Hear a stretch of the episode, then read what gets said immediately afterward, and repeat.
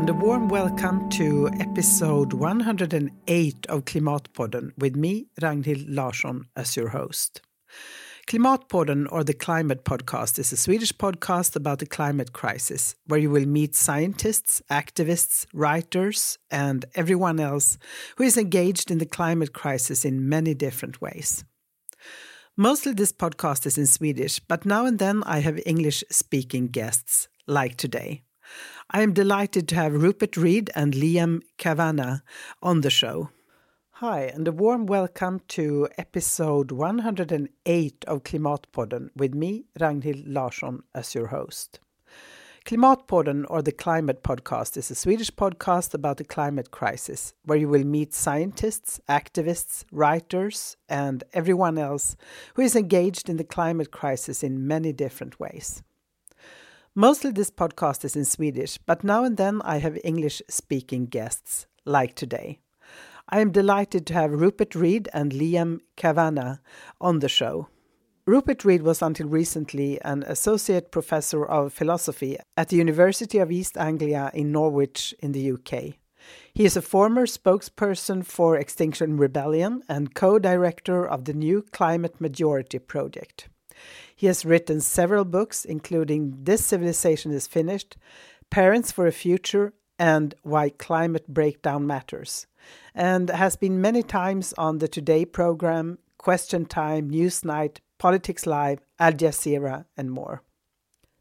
Liam Kavanagh is also a co founder of the Climate Majority Project and a cognitive and social scientist devoted to using his understanding of human motivation, ideology, and economics to aid more effective responses to the climate crisis. He has worked on three continents uh, over 20 years doing applied social research, co founded Life Itself, a community for responding to the poly crisis, and written a book on how Western ideology contributes to climate change in action. I met Rupert and Liam on Zoom on October 6 to talk about the newly founded Climate Majority Project. The Climate Majority Project worked to accelerate citizen climate action towards system change and help a mass movement to see its own power. They support promising initiatives organizing citizen action in local communities, workplaces, and professions. The project aims to help a majority of people in the UK who care about climate change to understand that they are powerful together and take meaningful action relevant to themselves and their communities. As well as practical action, the project advocates the importance of cultures of support, political inclusivity, and resilience to help us face the trouble we are in together. As you might have noticed, Klimatpodden is totally free from commercials. And if you live in Sweden and want to support this podcast, you are very welcome to send any amount, small or big, to Klimatpodden's Swish account 123 279 8692. And please notice that this is a new Swish account. And a big thank you to all of you who have already decided to support Klimatpodden and for all your kind words. Please also share the podcast with your friends, neighbors, parents, kids, and colleagues. Also, feel free to get in touch if you have comments and ideas about future guests. But now it's about time to start this conversation with Rupert Read and Liam Kavanagh. Please enjoy. Uh, welcome to Klimatpodden or the Climate Podcast, Rupert and Liam. So, who are you? Who are you, Liam? Well, co-director of the Climate Majority Project, which I think we'll hear about more uh, the whole hour. Uh, my background is in cognitive science uh, and also applied economics. So I was a social science researcher, uh, a long time concern about climate science, but uh, and, and, climate uh, climate change. But actually, felt early on that we would get to the end uh, and then there would be a crisis and either we would respond to it after uh, the general population got more concerned or we we wouldn't uh, but i never had much faith in the traditional environmental movement uh, ability to make a change so i'm sort of like one of these people who waited uh, to get involved until I thought there was a critical mass, which in my judgment there is now. Uh, mm-hmm. so I uh, kind of joined forces with uh, Rupert here uh, to create the Climate Majority Project. Um, also, before that, I had started something which is a called Life Itself, uh, which is uh, basically a network for people who are polycrisis aware. Uh, when Trump got elected, I started to think like there's going to be a civilizational wobble in 2016. Uh, so I started to organize people who um, basically felt the same thing and were deeply concerned about what to do about it. So um, now, by now, quite deep uh, connections in that area and lots of conversations. Mm, interesting. And uh, Rupert, who are you? So, yeah, my name is Rupert Read. I am a recovering academic. I've just uh, quit my university to focus full time on the climate majority project. Uh, I'm an author of a, a, number of books recently, in recent years, mostly books about the climate crisis and the, the poly crisis, the civilizational uh, crisis. I helped to launch Extinction Rebellion and was one of their main strategists and spokespeople. Uh, in 2020, I realized that Extinction Rebellion had done some great work and expanded the space for climate truth to emerge, but that the kind of climate action we actually needed, as Liam was implying a minute ago, goes way beyond the activist space, let alone the radical flank of the environmental movement, into much more uh, ordinary people, ordinary citizens, and to various uh, elite groups, including scientists and business people and civil servants who would uh, never be joining uh, an activist's cause.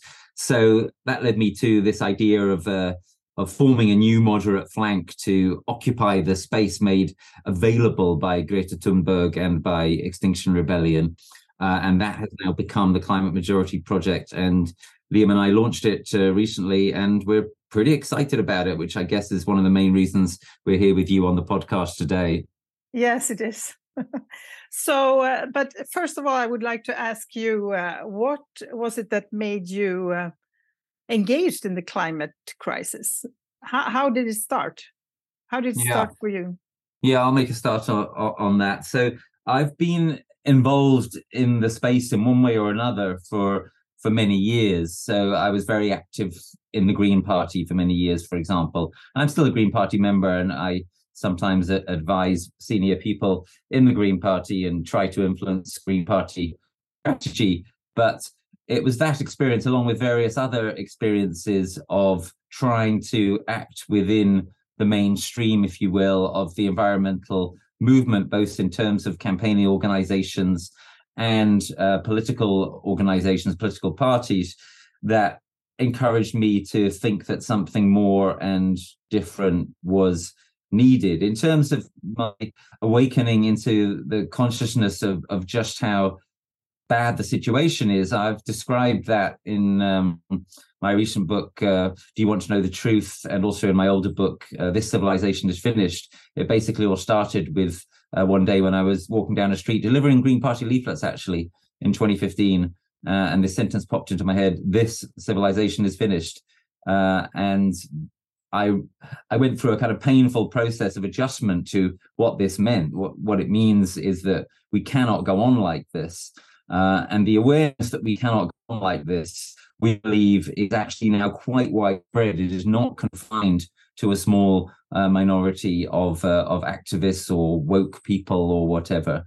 Uh, it is very widespread, and in fact, we'll be getting some uh, polling data um, released about that um, fairly soon, uh, among other things. So, yeah, it, it was coming to realize that that something completely different was needed, but the realization in more recent years has been that that completely different thing needs to be accessible to the mainstream.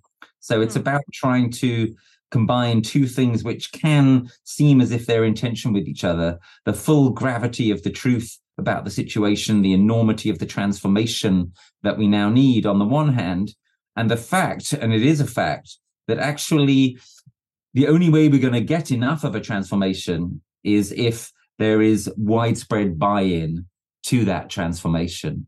Uh, so it's bringing those things together and making sure that that climate truth, climate authenticity, climate action are not confined to a small group. Because as long as they are confined to a small group, we're essentially stuffed. We're nowhere.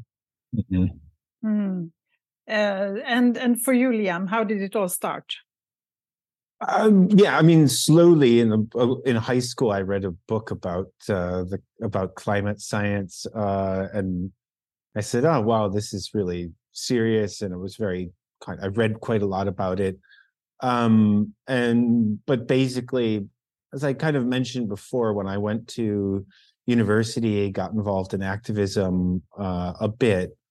Um, you know, I was I went to one of those schools in the U.S. where they have a Native American mascot, right?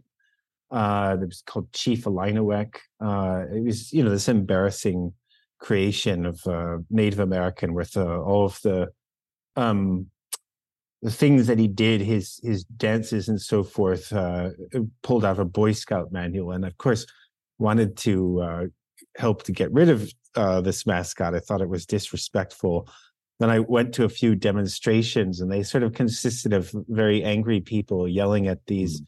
American football fans uh, with an incredible amount of anger. And I said to myself, uh, "Well, is that how you would address somebody if you really wanted change? If the change was like totally existential to you, or would you f- like find a way to almost plead with them to be more vulnerable?" And it seemed to me like moral superiority was more important than achieving something a very gut level uh, when I was part of those demonstrations. And I, it kind of stuck with me in terms of mm. uh, activism for a very uh, long time. And I said, well, when this becomes serious enough that people's really feel their lives are at stake, that it's it sinks in that their lives and their children's lives are at stake, then maybe we'll have a serious climate movement. But right now, you know, we we call it virtue signaling. Back then, we would have called it, you know, moral superiority or getting on your high horse, uh, in you know older English terms. But uh,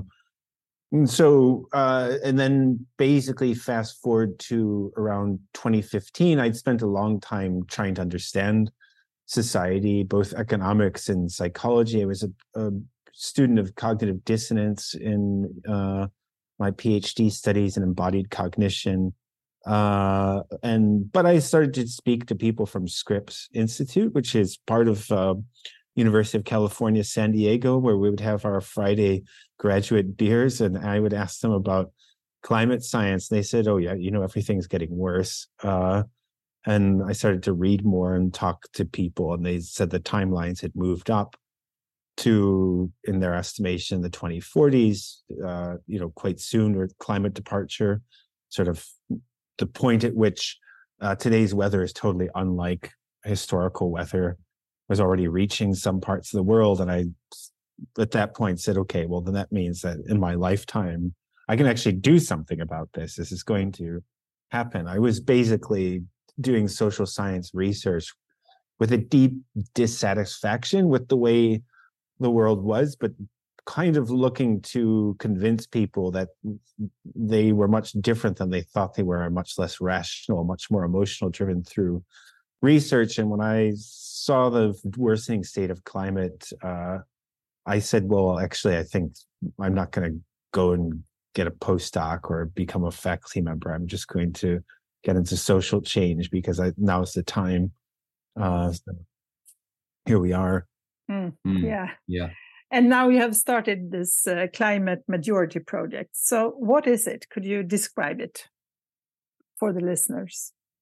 So, as we've already implied, the central idea of the climate majority project is that the majority needs to be on board. Until the majority are on board, nothing that is potentially enough is actually going to happen.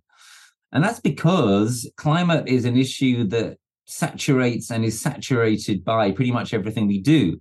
In fact, it's deeply misleading to call it an issue at all. It's far, far bigger than that. It's far more all encompassing than that.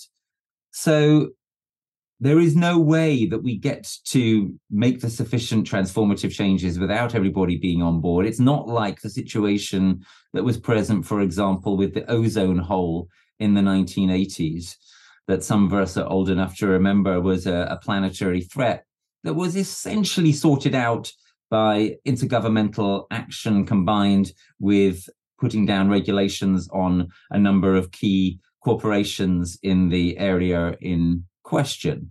There is no potential prospect of a of a simple elite top-down solution like that in the case of uh, of climate. We're going to need huge action in order to get the action that we need. Yeah. And the action that we need is also going to partly consist in action by ordinary citizens as well as actions by corporations and governments and everybody else. Now, the good news is there already is a climate majority in the sense that there is a majority in pretty much every country in the world now who are concerned. Uh, even in Sweden, uh, there's a majority. You can't always tell, I can Yeah. assure you. I know. Uh, um, but what needs to happen, right, is that that majority needs to be deepened because most people don't really understand just how desperate the situation is. They don't really understand, for example, the implications of the really extraordinary, gobsmacking variations in the temperature this year uh, in oceans and across surfaces. The huge jumps in temperature that are that are basically unexplained that we're seeing this year, which are well extremely concerning. So the climate majority needs to be deepened. It needs to be helped to handle the truth because when you get this kind of deepened realization, uh, that it's pretty challenging. It's pretty existentially, psychologically challenging. People need help in dealing with that. That could consist in all sorts of things, uh, including psychotherapy or whatever, but it could also just consist in um, people having sort of peer group support, talking things through with their family. There's all sorts of ways it could happen, but it's got to happen. We can't. People can't face this by themselves. They can't just have the truth dumped on them. Uh, people also need pathways to effective action, and effective action is collective uh, action. We're not going to solve this through individual action. Uh, neither are we going to solve it, by the way, through a purely technological fix. It's going to require quite a lot of behavioral change. That is absolutely clear to anyone who's got any credibility uh, in the space. So people need pathways that they can understand and that they can relate to, and they can find their own most effective pathways along with other people to actually doing stuff that added up could be enough. And then the final component of what people uh, need is they need to have that sense that this is happening at scale, that it could be enough, that this new moderate flank is emerging, that the deepened climate majority is starting to come to its own power uh, all over the world, uh, in fact. Uh, but although initially we are seeking to prove concept primarily in Britain, where various environmental movements in the past have successfully begun or or taken root, uh, uh, and we are we will hope after that to uh, expand into other countries. We're already liaising with people in a number of uh, countries, including uh, Germany, the USA. Uh, I don't know if we've got any strong contacts in in Sweden yet, but although I'm sure that will uh, emerge. Um, so yeah, that's a nutshell picture of the uh, the basic idea of the climate majority project and our theory of change. Liam, do you want to fill any of that in? Yeah, I, I think one thing that's useful so Rupert kind of outlined our four strands there, which is sort of to kind of review the truthfulness of communication, uh, social support, something personal to do, and the feeling of being part of something larger. Like that's basically textbook motivation uh, from a psychological standpoint, right? If if you if to turn anxiety into action, those things are kind of necessary altogether. So, or the truth, uh, of course, can provoke anxiety, but then kind of holding it and making sure we don't get overwhelmed by emotion is a, a lot about social support. Then feeling as though there's something to do with the energy that is of that is inevitably comes up in response to a real threat. Hmm. Uh, requires a personal action, but also the feeling that that personal action is part of something larger, right? And and what we're why why we propose those is because that's a way to democratize the climate movement. Right now, what we have is essentially elite-led uh, climate action, where essentially there's sort of people taking it upon themselves to tell the public what they think they need to hear. Mm. And so another another problem that uh, way of looking at the problem, I suppose, that we're addressing, mean, we're seeking to address, is that um, when we talk about the climate majority and you say, well, it's hard to tell sometimes, a, a, a big part of that is because the, the, the thing that we that we we that jumps out of polls the most, but that we maybe don't talk about enough is how confused the public feels, not just by kind of like corporate denialist messaging, but also by all the different stories of between it, you know, where it's too late for 1.5, we've got it, negative emissions are possible. No, they're not. Right. There's so many people telling the public what they need to hear are from a standpoint of trying to manage other people's expectations. Um, that people are just enormously confused, right? So for us, the only way to really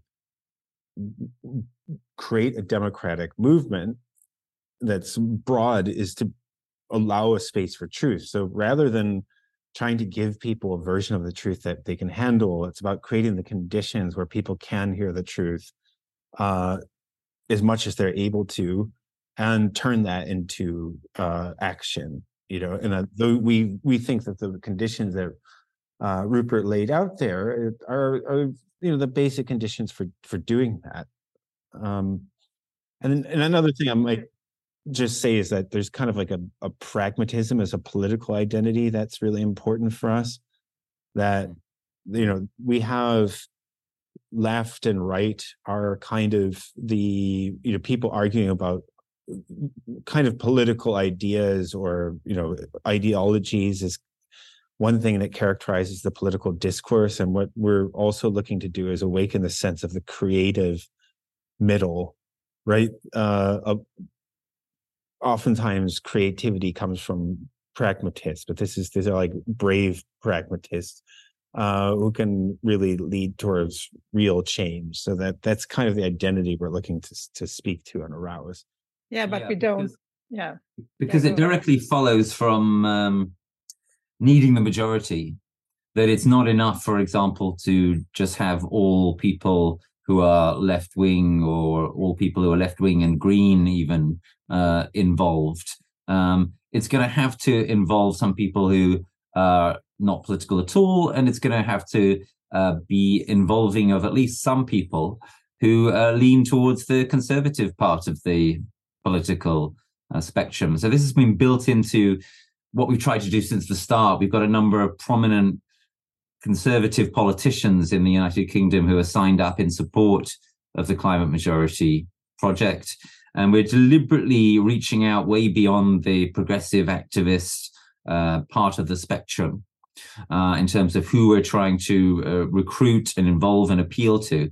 And a direct implication of that is, as Liam already implied, that it's essential to be depolarizing uh, in your approach right? So the radical flank of the environmental movement, uh, Extinction Rebellion, which I was proud to be uh, a part of, um, Just Stop Oil, um, what uh, what Greta Thunberg has brought brilliantly, uh, what Andreas Malm is trying to uh, bring. Uh, it's all good, but it's polarizing. Mm. and that means that it, it runs into to limits uh, and, that if you just have more and more of it, uh, then those uh, divisions can just get entrenched. So we're we built into our DNA is seeking both as a goal and as a method to go beyond that way of, uh, organizing and speaking and see and seeking to actually bring people together and and to make it real that this is a, a, a, struggle that we are all in some sense on the same side of. And i mean all. I mean even climate change deniers. I mean even uh, the uh, oil company executives because uh, those people uh, deluded nefarious as they are um, they still have children or grandchildren who are going to face the horrible consequences of what's happening. It's not in anybody's interest to have the world more and more polluted by greenhouse gases. It's in the interests of oil executives, at least in their short term to medium term interests, to burn lots of oil. But it's not in anybody's interest to uh, destroy uh, our our climate. And ultimately, there has to be some kind of appeal to that fundamental shared interest that we have in a future. Hmm. So you would say that the strategy of ex Extinction Rebellion and uh, Just Stop Oil, and uh, we have Återställ våtmarker in Sweden, uh, part of the A22 network, uh, that they yeah. have the wrong uh, approach to this. They have the wrong um, uh, strategy because they polarize, or well, what partly what I'm saying is that anyone who's doing stuff which which they know will be polarizing, they have to think very carefully about the consequences of their actions. Uh, and no action takes place in uh, a vacuum. Uh, in Extinction Rebellion, we sometimes didn't think carefully enough about the consequences of some of our some of our actions. A famous example would be the uh, the the tube action uh, in London in 2019 when there a number of uh, London's tube trains were were stopped. Uh, nobody understood why that target was was picked. Uh, it ended in violence. It was a terrible mis- mistake, uh, one for which uh, I um, um, made a kind of apology at the time. Uh, in fact. Um, we have to be ready to learn from those kinds of mistakes and not just repeat them or or escalate them.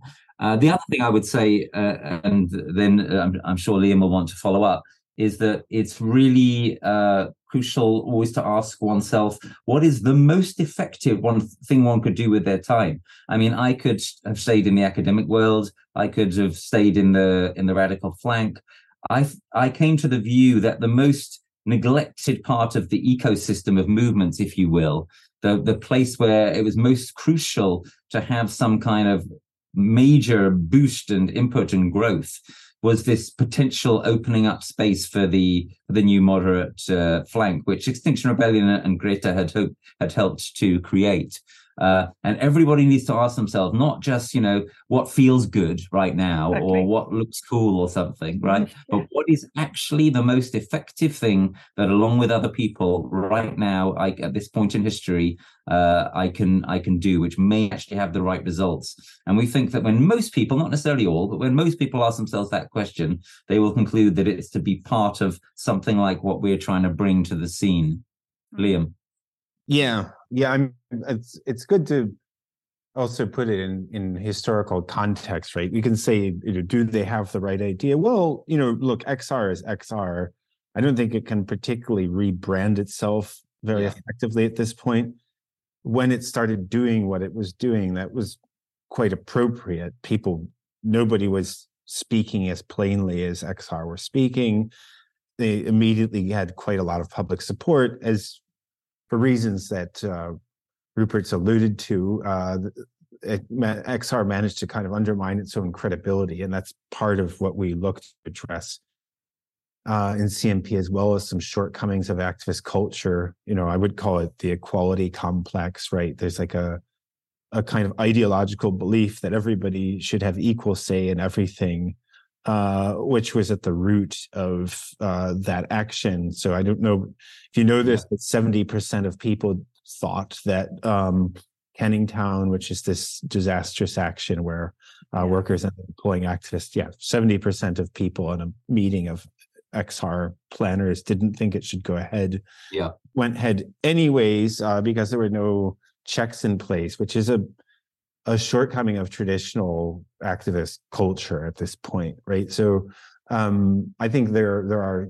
clear flaws to the culture of those organizations, which are exclusive. Uh, and you know, th- some of this would be controversial if we went into it more. But also, it's like we we don't want to say that they're they're totally wrong because at some point raising the awareness was really important. Yeah. But now at that time. When, yeah, at that yeah. time, but yeah. it's erased. It's raised already. Mm. You know, it's a bit, uh, you know, like people used to say about abstract art or Marcel, Marcel Duchamp, you know, his work. I mean, this is probably educated audience, right? You can have this questioning of mores, you know, and it's very interesting, but how much more, how many more kind of urinals can you really you know change the world with right there's you do it once the point is made uh people have kind of got the point that it's arbitrary what becomes art but um more of the same doesn't have more of the same results so that's another consideration mm, yeah so, uh, how do you go about to bring this, uh, I mean, big majority uh, to act and to do stuff together? I mean, what, do, because now we have been talking about all, all your, uh, I mean, the strategy and your thoughts about this and why, why it is important that we stop this polarization and so on. Uh, but what can you bring to the public?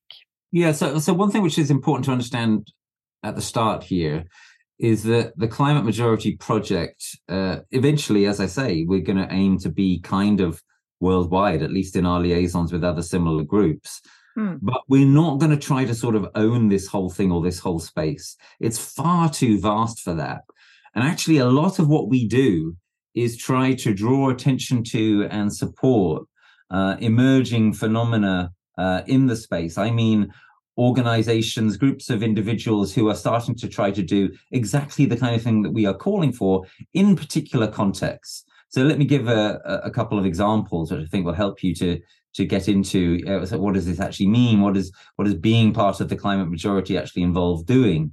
So one of our early uh, recruits, if you will, uh, is an organization called Lawyers for Net Zero. It's now been rebranded as General Counsel Sustainability Leaders. What this is, is senior corporate lawyers who are trying to do the right thing on climate in their corporations.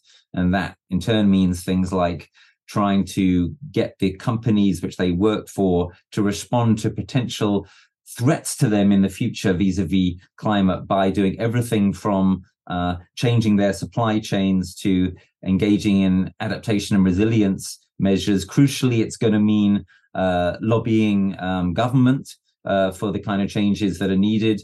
Uh, Liam maybe will say more about that uh, in a minute. It's going to be a big focus of ours uh, in the, the coming year.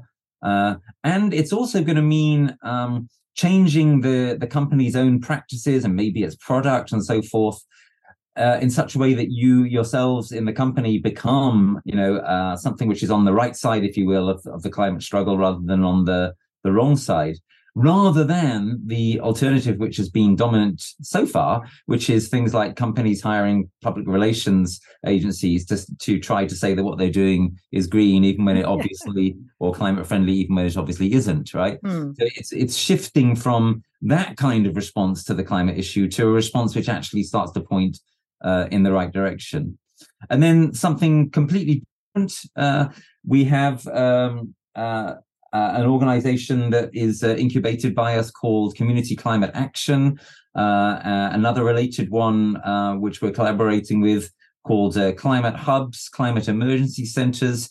These are people um, in urban areas, but more often in rural areas who are seeking to bring climate awareness to a broader community who are seeking to do things like uh, take uh, uh over a building or take over uh, a, a, pub which is threatened with closure uh, and run it in the social interest, who are threat- who are trying to do things like um, take land and uh, and farm that land themselves in a in a climate resilient way, uh, in a way that that is uh, robust to to future climate challenges, to engage in uh, what we've termed uh, transformative uh, adaptation. Um, so these are this is something you know completely different from um, climate responsible corporate lawyers, right? Totally, totally. This is ordinary citizens in many cases, uh, ones who are who are conservative leaning or or apolitical, who are trying to be involved in in local. Um, uh, resilient building, resilience building um, activities uh, on the ground, uh, in the case of both the lawyers and the people engaged in community climate action, uh, many of them will not regard themselves uh, as activists at all. That, that, idea would never even cross their mind, particularly. Um, but what we're saying is they're part of the emerging climate majority. Hmm. Uh, and what we need is the same kind of thing to be happening among uh, insurers and people in pension funds and teachers and academics. Uh, and and if your profession or your workplace or your business is not somewhere where you can make a real difference then perhaps it's through your uh, being a member of a, of a church mm. or as i say perhaps it's simply through your being someone who lives somewhere everybody lives somewhere uh, and trying to make where you live uh, something which is uh, more robust uh, for the future uh, and is making its contribution to the to the the climate challenge that we all face. And yeah, a lot of what we're about in the Climate Majority Project is trying to network and support and fund and bring to public attention these very diverse kinds of initiatives, most of which are not anything that would be conventionally recognized uh, as activism. Mm. So it sounds a bit like the transition movement. I've interviewed Rob yeah. Hopkins uh, a few years yeah. ago, so, uh, but is there a difference, or is it that you build on the, that uh, that foundation? Or yeah, the, there. Well, there is a there's a difference. I think uh, there's quite a there's quite a bit of a difference. So, I mean, one I, I was actually about to explicitly mention them as a as a follow on to Rupert, right? So one thing that we're avoiding so you can call us kind of a, a real no bullshit uh, kind of organization right so one of the ways in which climate movements engage in bullshit uh, is like having a, a a to z theory of change a four point plan to save the world right so okay we're going to tell the truth we're going to get to net zero you know by whatever or zero by whatever year uh, then and we're going to do that by citizens assemblies and we're if we're going to get three and a half percentage of three and a half percent of people on the streets then the government's going to be immobilized. And it's it was a good enough theory of change and it mobilized a lot of people and i don't mean to do be too disparaging with xr but at the same time even when during the first protests and i did get enough interested in xr to start paying attention early people were a bit dubious about all of these numbers, right? And it seemed like something that's kind of cooked up in order to have a definitive path. Uh, and what and something like transition can at times fall into that, depending on who you talk to in the movement. It can be like part of something larger, or it can be we're going to change the world town by town. So hmm. we're going to work at the local level. We're going to change our our city, and then if every city does this then together we'll change the whole world. And you know, the reality is, if you talk to people, so like Naresh Giangrande, who is one of the uh, founders of the first transition town in Totnes, along with Rob, and the Transition Network is an advisor for us. And you know, Naresh will tell you that um, essentially what you're able to do at a local level is, of course, very uh, constrained by national laws. So you know, there, there's a there's a a tendency to um, create two definitive theories of change in the hopes of being inspiring because the challenge is so daunting. Um. So that's one thing. The other thing is that um, another thing that we're doing as well is is picking out issues that are just at the margin, right? So if you think about like real political movements, like the union or some union movement, right? They go on campaigns. There's not really there wasn't an A to Z strategy of getting, you know, of the labor movement of getting, you know, better labor conditions uh, and f- more of the the total amount of revenues uh, distributed to to salaries, uh, forty hour work weeks, and so on. It was kind of campaign by campaign. Where is there opportunity to move somewhere in the system? Uh, and so we're looking at it much more like that. So the campaigns, uh, we we have a few campaigns that are that are coming up in the fall, and it's it's about judging where is there change possible, right? Like where is the next? Because what helps to motivate people the most, and this fourth strand that we talk, feeling like you're part of something larger. What you need is concrete victories, right? So mm. part of what we're looking at is like where at the margin is it possible, rather than having another protest that demands that the government pass a law uh, that kind of solves everything? Where can we get, you know, can we see effort turn into results uh, now? So two areas that we've we've picked out uh, for the fall are campaigns on climate anxiety, particularly asking for national support for uh, spaces to handle eco anxiety, eco grief, and uh, for everybody in the UK, especially students. Uh, and another campaign, which is called Regulate Us, which is getting businesses to say, look, we will never get to net zero without a new regulatory regime. So lots of people can say that, but businesses can say it as more credibly than anybody else. So it's about getting the business community to quit pretending that mm, essentially by innovation, hard work, we can chase dirty products products from the market with clean ones by just kind of entrepreneurial get go and know how. Like this is what you're educated to parrot. And you know, in a business world, I was an economist in the past. We had to as well, it's total rubbish.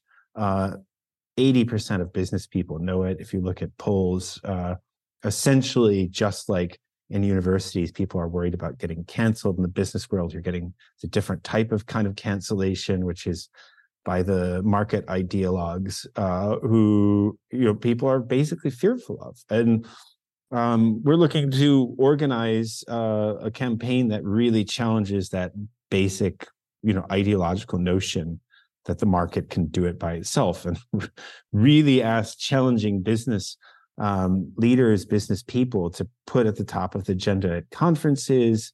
Um, I mean, for example, there were more sessions on fusion at a late, uh, a recent Harvard Business School uh, conference on sustainability than there were on uh, on policy.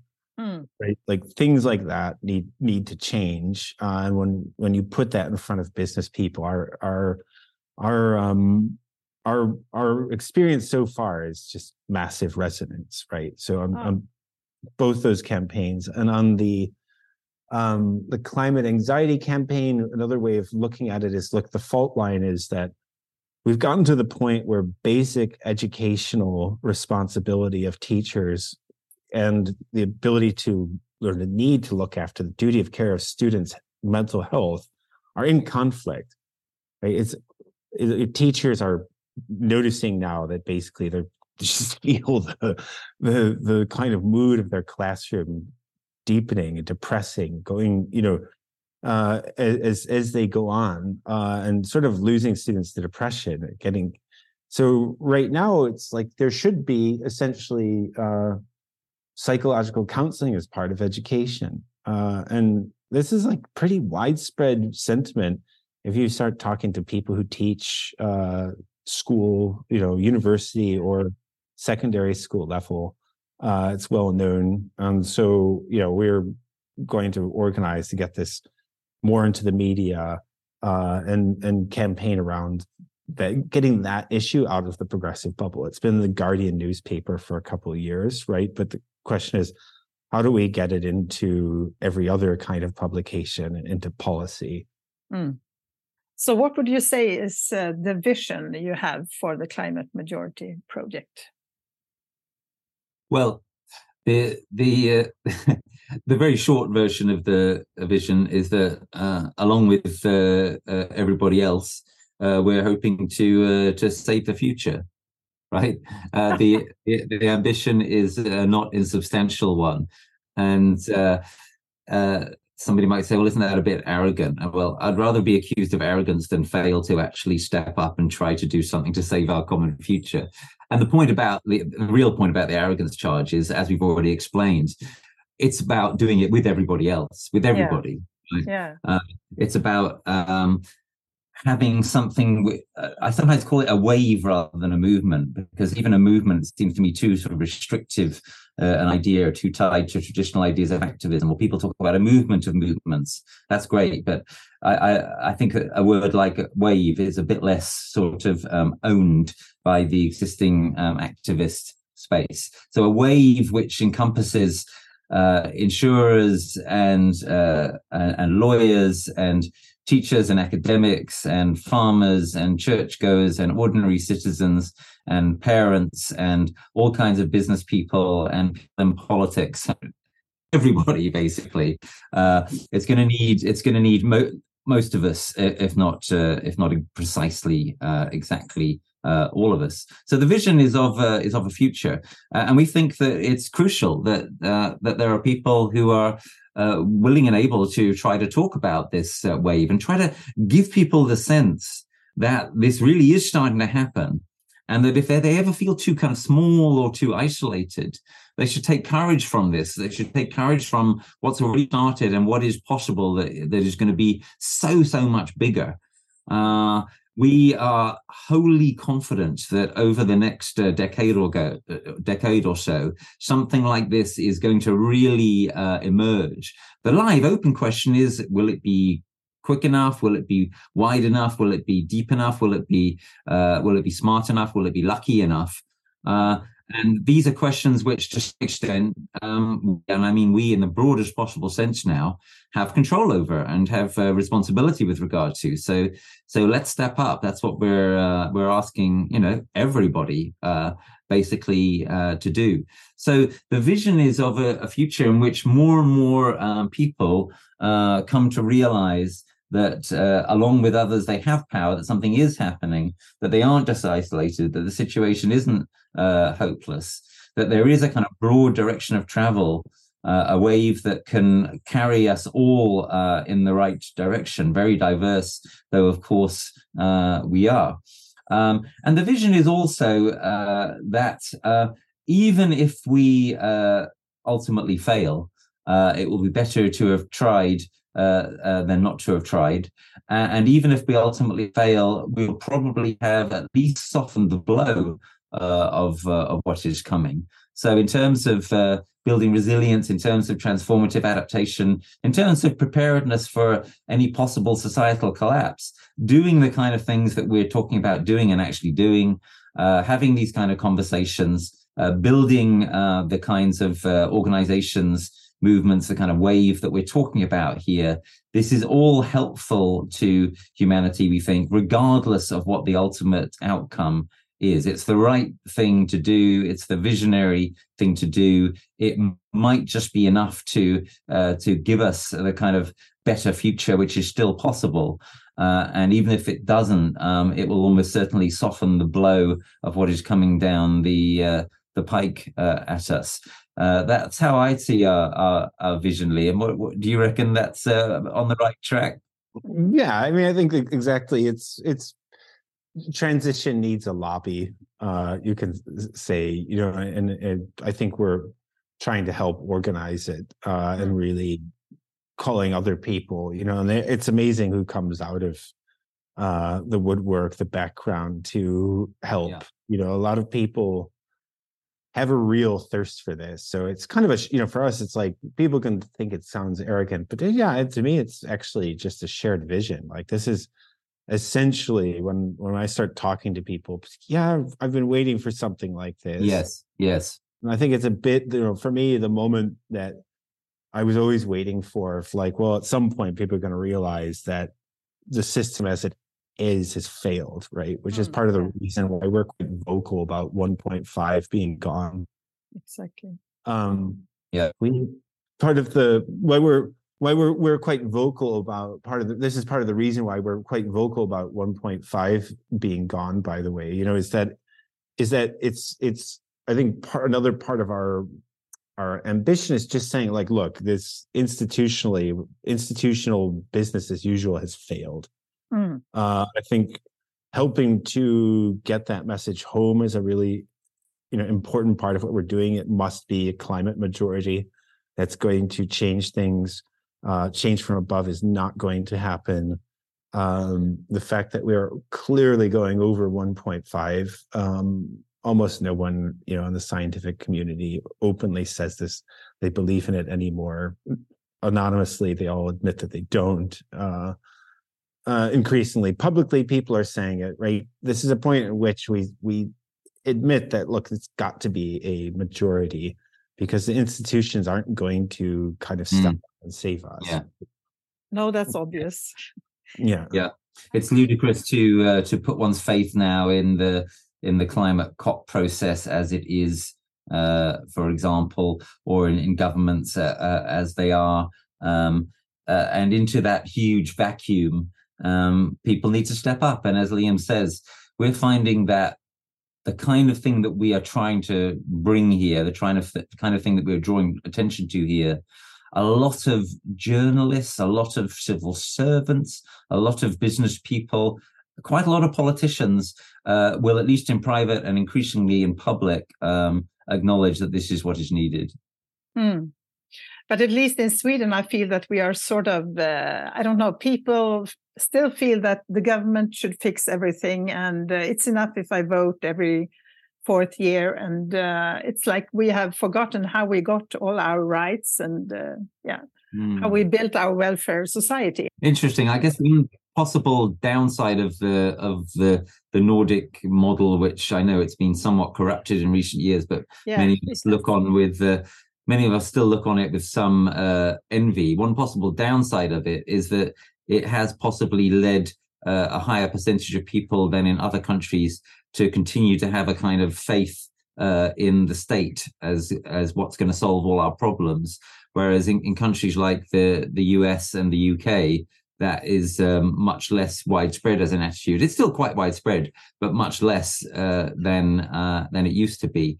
And yeah, the, the, bottom line is, of course, states need to act, but they're mostly not going to act, at least not sufficiently, until they are pressurized to do so. So what we're trying to bring about is a change in the whole political culture of a country like the UK and ultimately a country like uh, Sweden, so that people firstly understand just how badly they've uh, been let down. Secondly, understand that the existing political parties are in virtually all cases way off the pace of what needs to happen. Uh, and thirdly, as a result of these understandings, come to to see that they themselves need to need to step up uh, along with other people uh, wherever they have potential power or, or voice be that, as I say, in your local community or in a business setting or in a religious setting or indeed in a, in a political uh, uh, setting.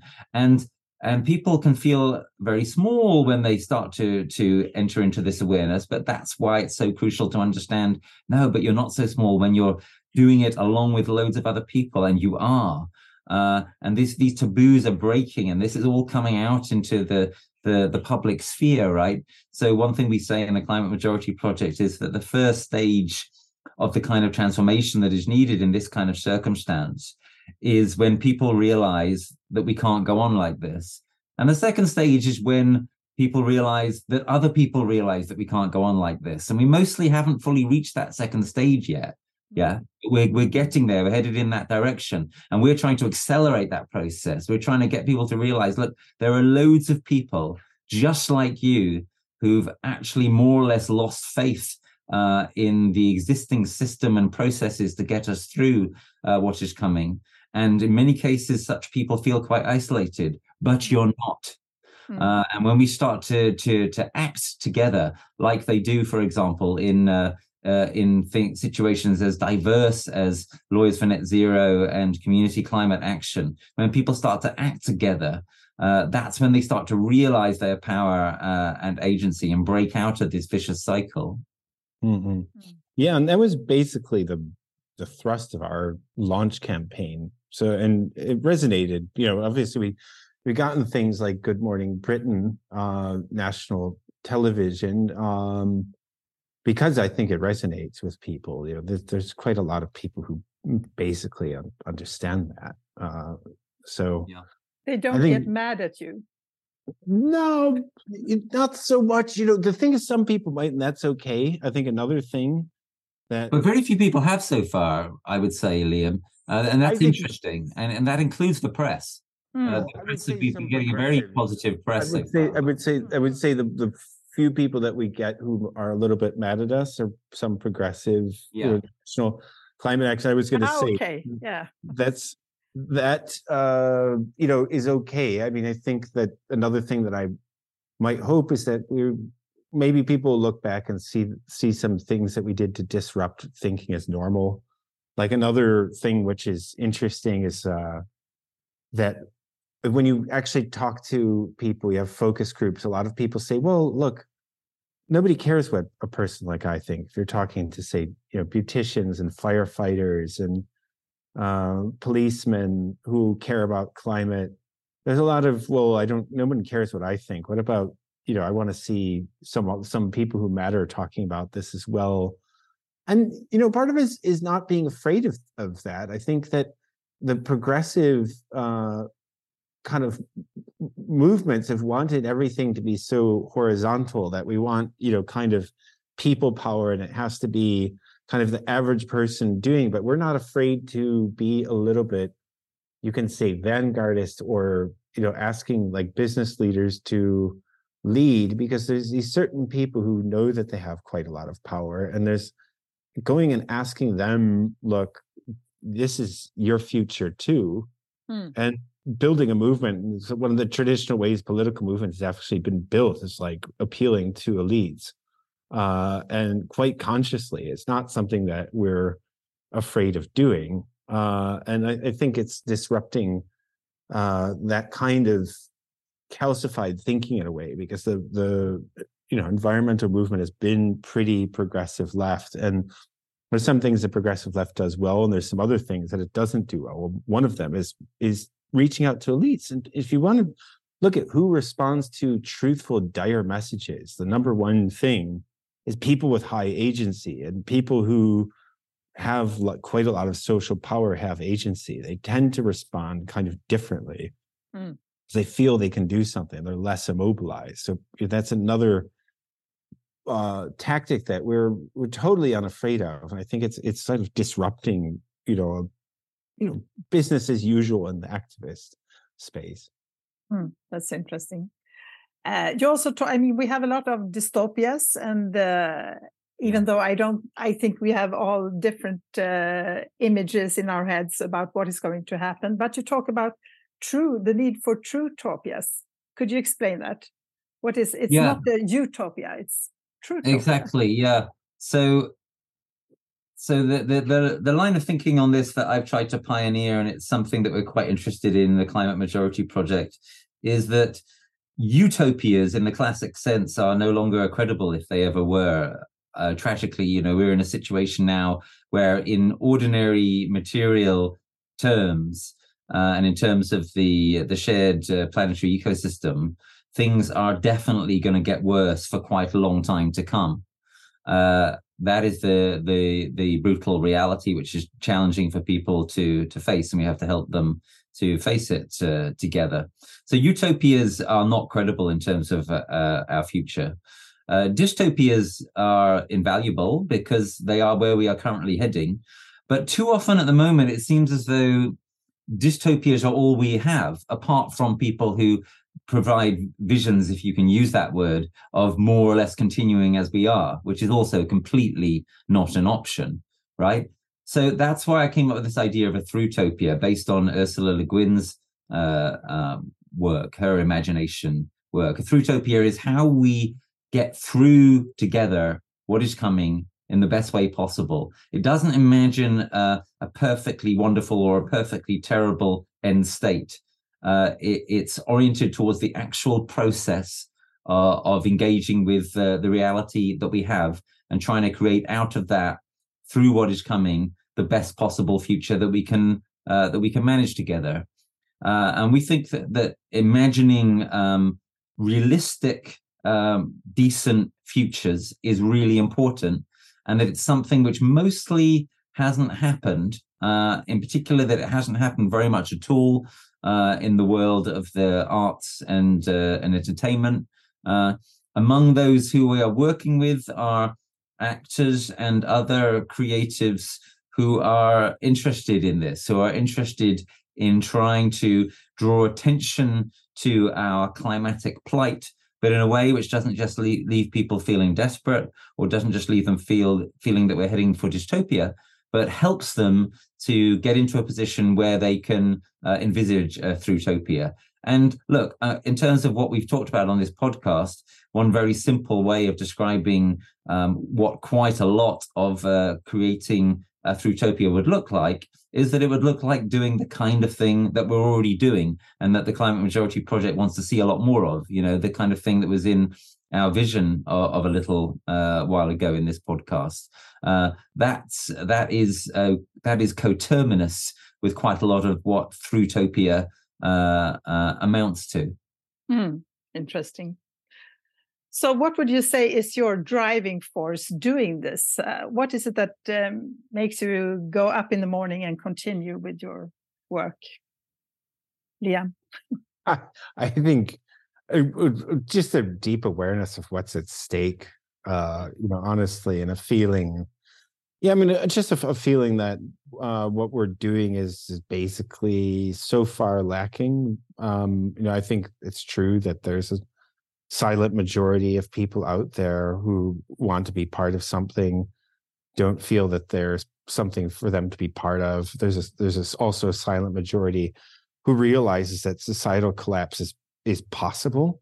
Uh, there's a lot of um, uh, taboos against discussing these things. And so i think that there is opportunity for a few people to do quite a lot in terms of breaking the taboos. Like the majority of people know that uh, social collapse is at least possible you mm-hmm. know if not probable you know there's it's it's quite a lot of people it's just we're not supposed to talk about these things but exactly. it doesn't take a lot of brave people to start talking about it openly to normalize it and once everybody realizes that well you're look around go to the tesco go to the supermarket and look around and half of the people in your eyesight think that their society might be collapsing, then you know then it's a different political reality than we allow ourselves to see. You know, so it's I think that's easy for me to get out of bed when I think about the possibilities of doing that.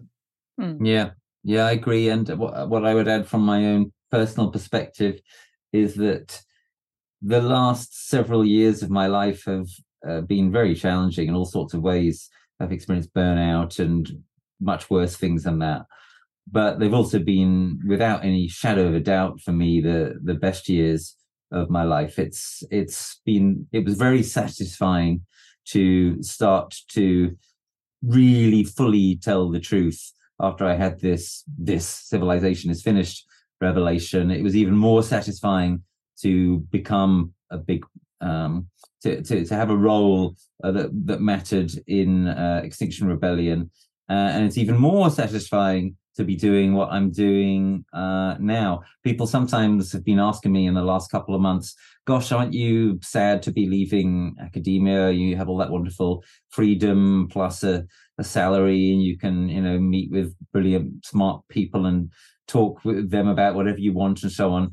And my reply is, well, but guess what? I can meet with brilliant, smart people and talk with them about stuff that really means stuff now uh, with the Climate Majority Project. And that's what I do. That's what I spend a lot of my time uh, doing. And actually, no, I don't have any regrets at all about leaving. Uh, Thanks, uh, Rupert.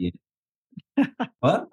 Yeah, yeah, yeah, absolutely. Yeah. Liam is, is the first of those people, but there's a whole lot more in line uh, behind him. Uh, I don't have any regrets at, at all about about leaving academia.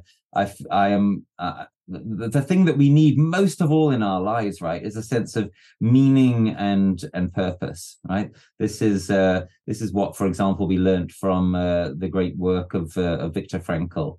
That that is more important to people in their lives even than things like um, food water and shelter mm, which is yeah. saying something uh, uh, and my God, you know, we have this huge opportunity now to to repurpose, uh, literally repurpose uh, our lives.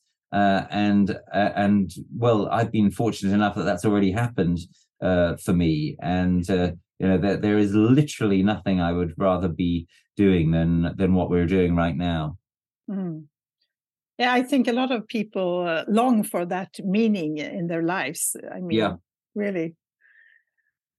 Uh, thank you so very much for being my guests in Klimatpodden. It was very interesting, and we could go on for a much longer time, but maybe we'll do a follow up uh, and see what happens. And I really hope that uh, the Climate Majority project will spread and come to Sweden and other countries in the world. So, thank you so much.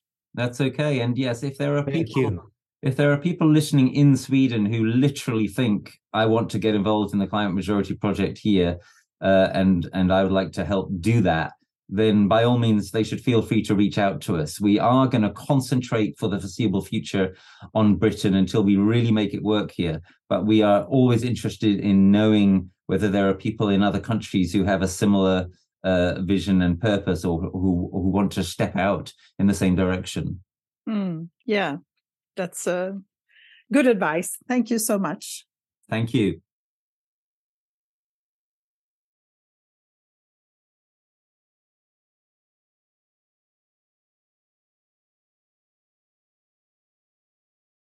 You have listened to Klimatpodden, a Swedish podcast about climate change, produced by Konvoj Produktion.